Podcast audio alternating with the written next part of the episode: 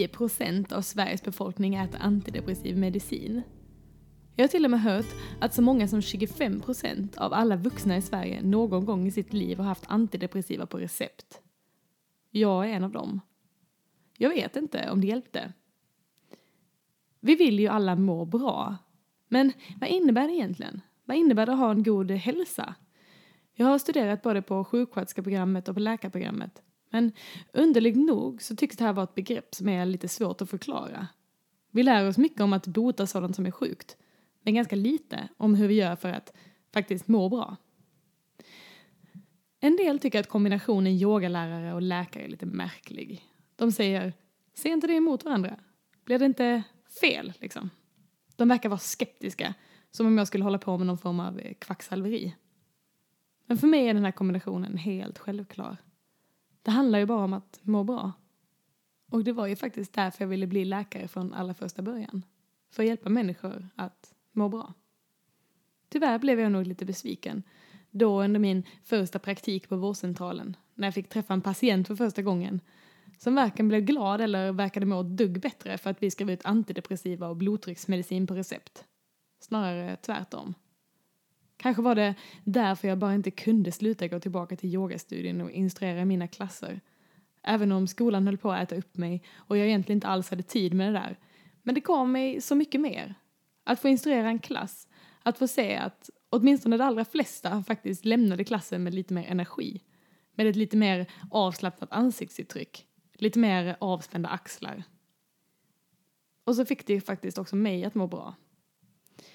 Det är en stor skillnad på att vara frisk och må bra. Kroppen och sinnet liksom. Ibland är det som att vi tycks glömma bort att det faktiskt sitter ihop. Jag tycker det är intressant med all forskning idag som riktas mot att förklara sambandet mellan vår kropp och vårt psykiska mående. Tarmfloran och inflammationsmarkörer är två heta ämnen som får mycket uppmärksamhet i forskarvärlden idag. Forskning har visat samband mellan depression och förändrad tarmflora. Det finns också intressanta studier som visar att psykisk ohälsa tycks hänga ihop med någon form av inflammation. Förvånansvärt mycket forskning tycks riktas in på att hitta den kroppsliga förklaringen till varför vi mår dåligt.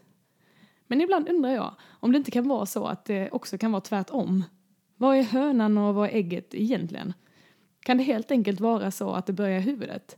Att när vi mår dåligt i sinnet, ja, att det faktiskt är då som tarmfloran och immunsystemet sätts ur balans. Sambandet är givetvis mycket mer komplext än så. Men det är lite intressant att leka med tanken på att vår kropp faktiskt också mår bättre om vi mår bra i sinnet. Skov av IBS är otroligt mycket vanligare vid stress, oro och nedstämdhet. Jag läste en intressant studie en gång som visade att glada människor faktiskt har ett mycket starkare immunförsvar. Genom epigenetiska förändringar, alltså inte förändringar på själva DNA-sekvensen, men förändringar i hur pass packad den här sekvensen är och hur ofta olika gener uttrycks, så uttryckte de här cellerna helt andra typer av pro och antiinflammatoriska mediatorer. Kort sammanfattat, ett glatt sinne bidrog alltså till ett gladare immunförsvar. Vi har mycket att vinna på att ta hand om vårt psykiska mående. För jag är säker på om jag fick välja mellan att vara frisk och att må bra så skulle i alla fall jag välja att må bra.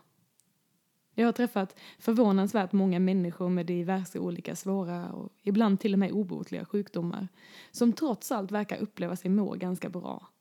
Och sorgligt nog har jag träffat oerhört många fler människor som trots att de har perfekta blodvärden och perfekta gener perfekta förutsättningar ändå upplever olika typer av symptom och mår fruktansvärt dåligt. Då finns det så lite hjälp att få. Åtminstone om vi letar i medicinskåpet och receptblocket. Det är här jag tycker att den österländska och den västerländska synen på människan kompletterar varandra så himla bra. Det är här jag är glad att jag har läst yogafilosofi och yogamedicin.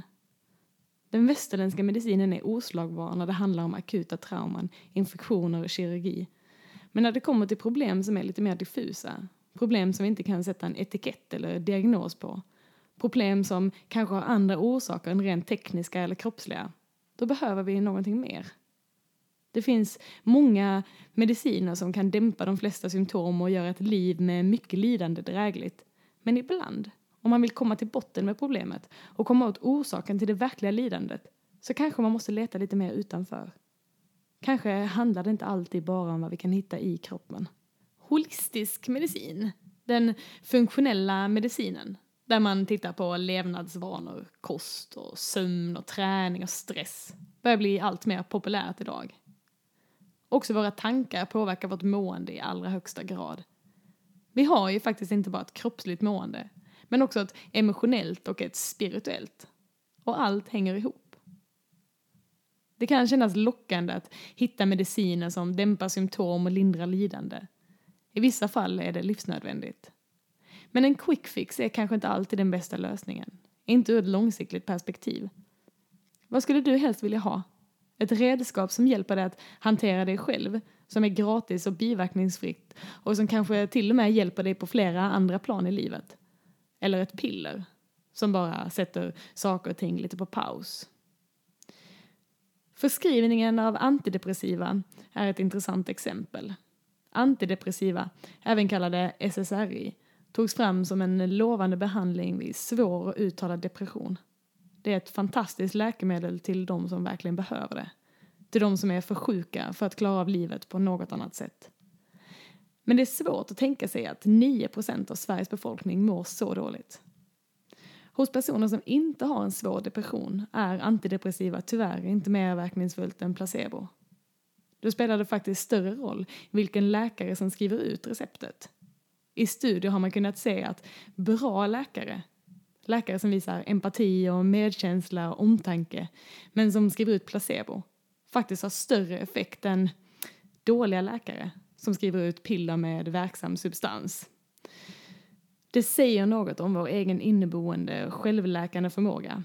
Effekten av att tro på något som kan få oss att må bra och värdet att träffa en terapeut som ger sig tid och ger lite omtanke. Jag kan tycka att det är lite synd att vårt fokus lite för ofta hamnar på att hitta orsaker till allt. Och vi har lätt för att stirra oss blinda på diagnoser och sådant som är sjukt. När det krävs så lite för att faktiskt må bra. Ja, att må bra kan ju vara så oerhört enkelt. Om vi bara ger oss själva förutsättningarna att göra det.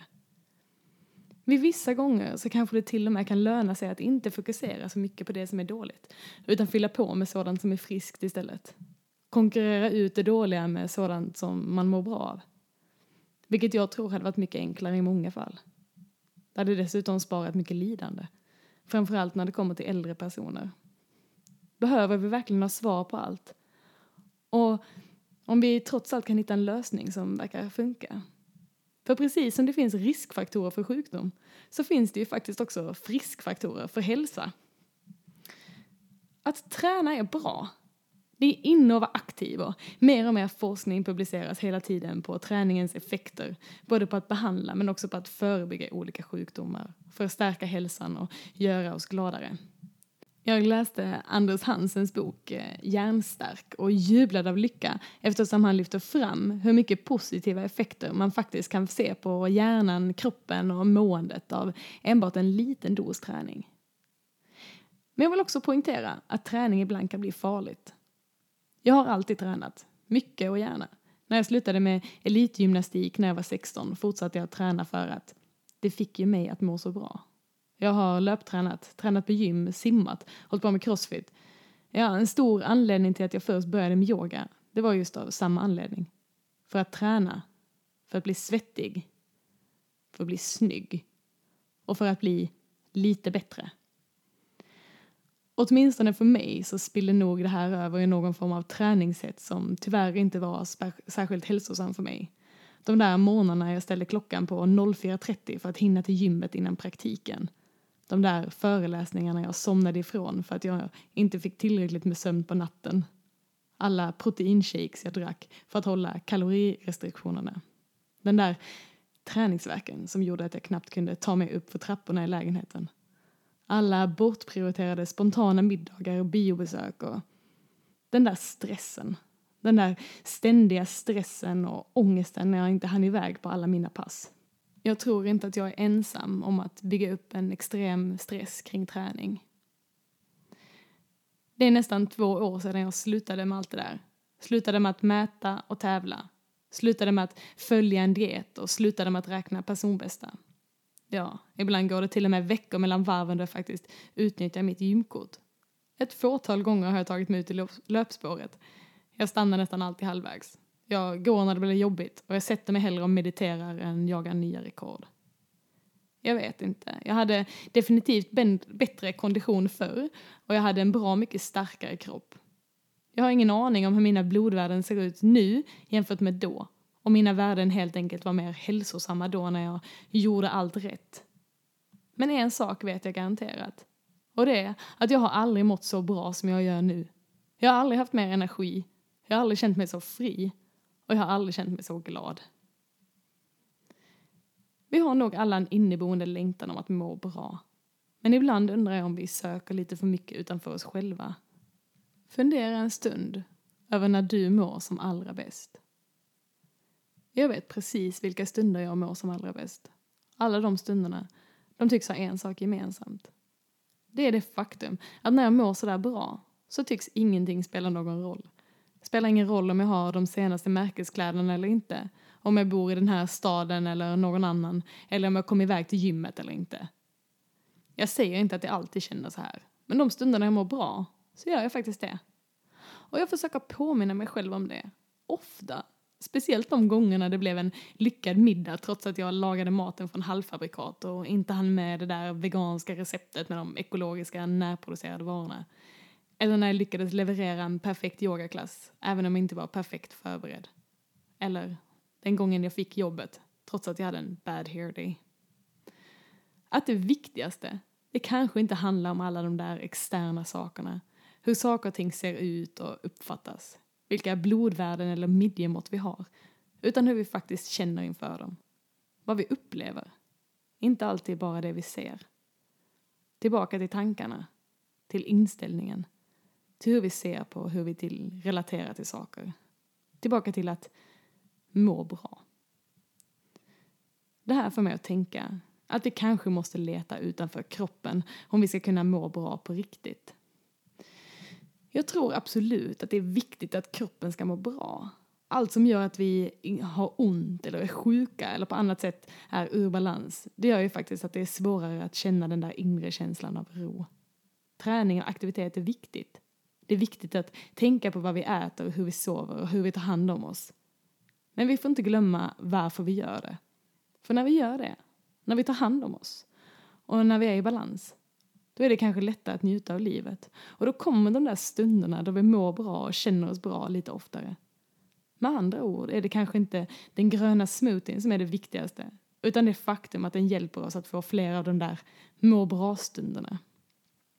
Jag vill tro att alla kan må bra, oavsett ålder, fysisk förmåga. Att må bra, att ha en god hälsa, det är liksom någonting som är större. För mig har yogan varit ett sätt att hitta dit.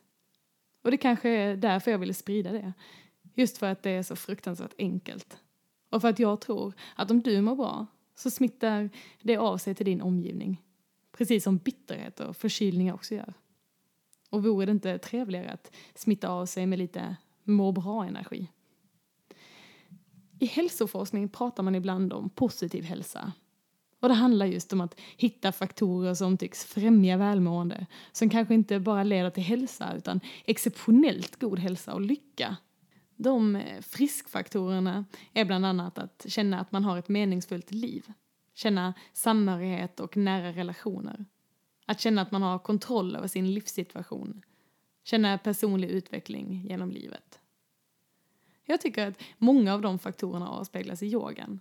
Framförallt den yoga som inte bara syftar till asanas och kroppsövningar men som faktiskt också syftar till acceptans och självkännedom. Det där med att stanna upp och lyssna inåt. Det där med att sluta leta utanför sig själv utan faktiskt vända uppmärksamheten in. Idag kommer jag att bjuda på en liten avslappningsövning. För avslappning, det höjer ämnet oxytocin. Och eh, om det är så att vi någon gång kommer hitta vår kroppsegna medicin och vår självläkande kraft så tror jag att det kommer att vara just oxytocin. Men mer om det kommer jag prata en annan gång i ett annat avsnitt. Just nu ska vi bara få njuta av det. Musiken du ska få lyssna på den kommer från Per Molin. Så du kan ta och sätta dig ner bekvämt eller om du har möjlighet lägga dig ner en liten stund. Och nu ska du bara få slappna av. Börja med att göra dig riktigt bekväm. Ta och kom ner i varv genom att ta ett par långa djupa andetag. Känner att du med varje utandning låter kroppen bli lite tyngre. Lite mer avslappnad. Påminner dig själv om att du just nu inte är på väg någonstans. Försöker stänga av alla krav och alla prestationer och ge dig själv en stund att bara vara.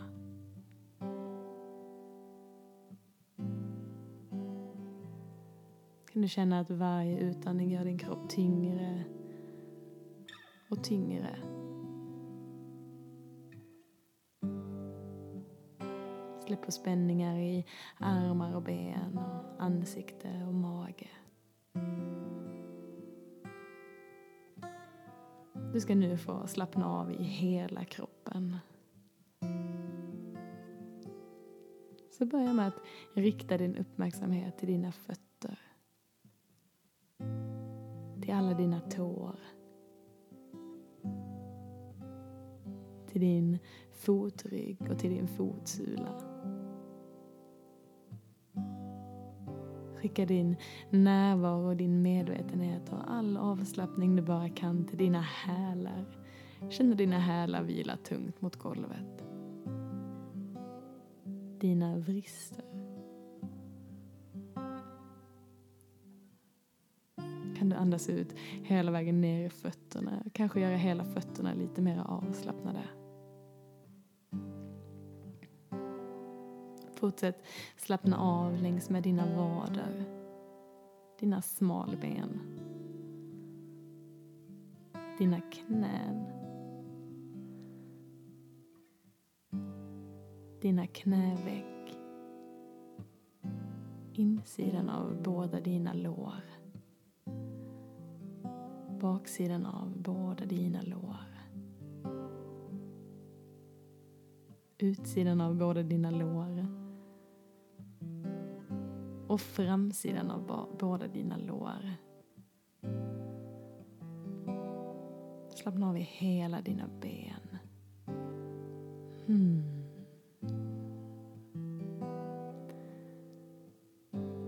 kan du rikta din uppmärksamhet och din närvaro till dina höfter. Låta båda dina höfter slappna av. Dina höftben, dina ljumskar din ländrygg. Hela din svank sjunker ner mot golvet, gör sig tung och mjuk och varm. Kan du slappna av i hela nedre delen av din rygg. Din mage. Hur tung och hur avslappnad kan din mage bli?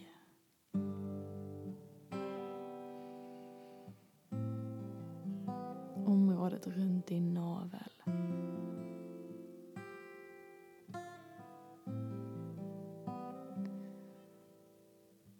Fortsätt att slappna av längs med hela överkroppen. Dina bröst. Dina nyckelben. Dina axlar. Kan du slappna av i dina skulderblad och låta dem sjunka lite tyngre ner mot underlaget. Hela din rygg. Hela din överkropp slappnar av.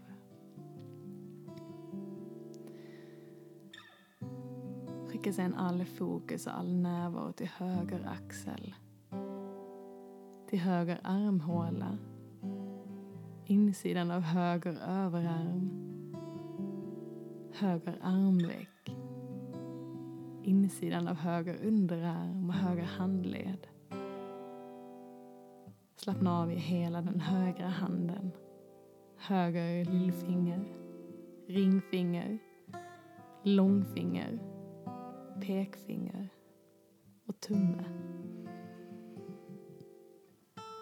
Slappna av i din högra handflata, din högra handrygg och låter hela handen vila tungt mot golvet. Fortsätt skicka närvaro och avslappning över utsidan av höger underarm. Höger armbåge. Utsidan av höger överarm. Tillbaka till höger axel. Höger nyckelben. Vänster nyckelben. Vänster axel. Fortsätt skicka den här avslappningen över vänster armhåla. Insidan av vänster överarm. Vänster armveck. Insidan av vänster underarm. Vänster handled. Skicka ditt medvetande, din närvaro till vänster lillfinger. Vänster ringfinger Vänster långfinger. Vänster pekfinger. Och vänster tumme. Till vänster handrygg. Och till vänster handflata. Hela vänster hand slappnar av.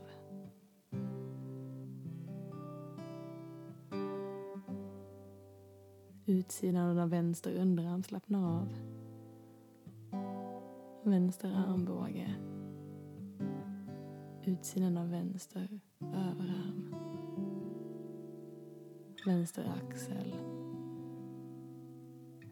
Slappnar av i båda dina armar.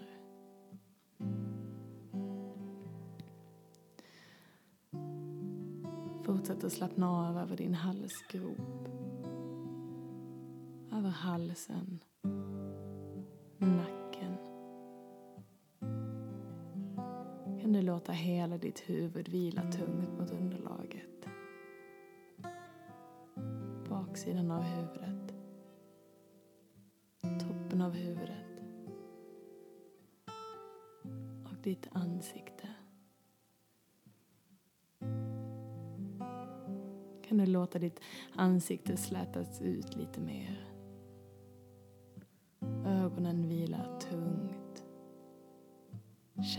Slappnar av. Slappna av i dina kinder. Dina öron. Och hela ditt huvud. Hur känns din kropp nu?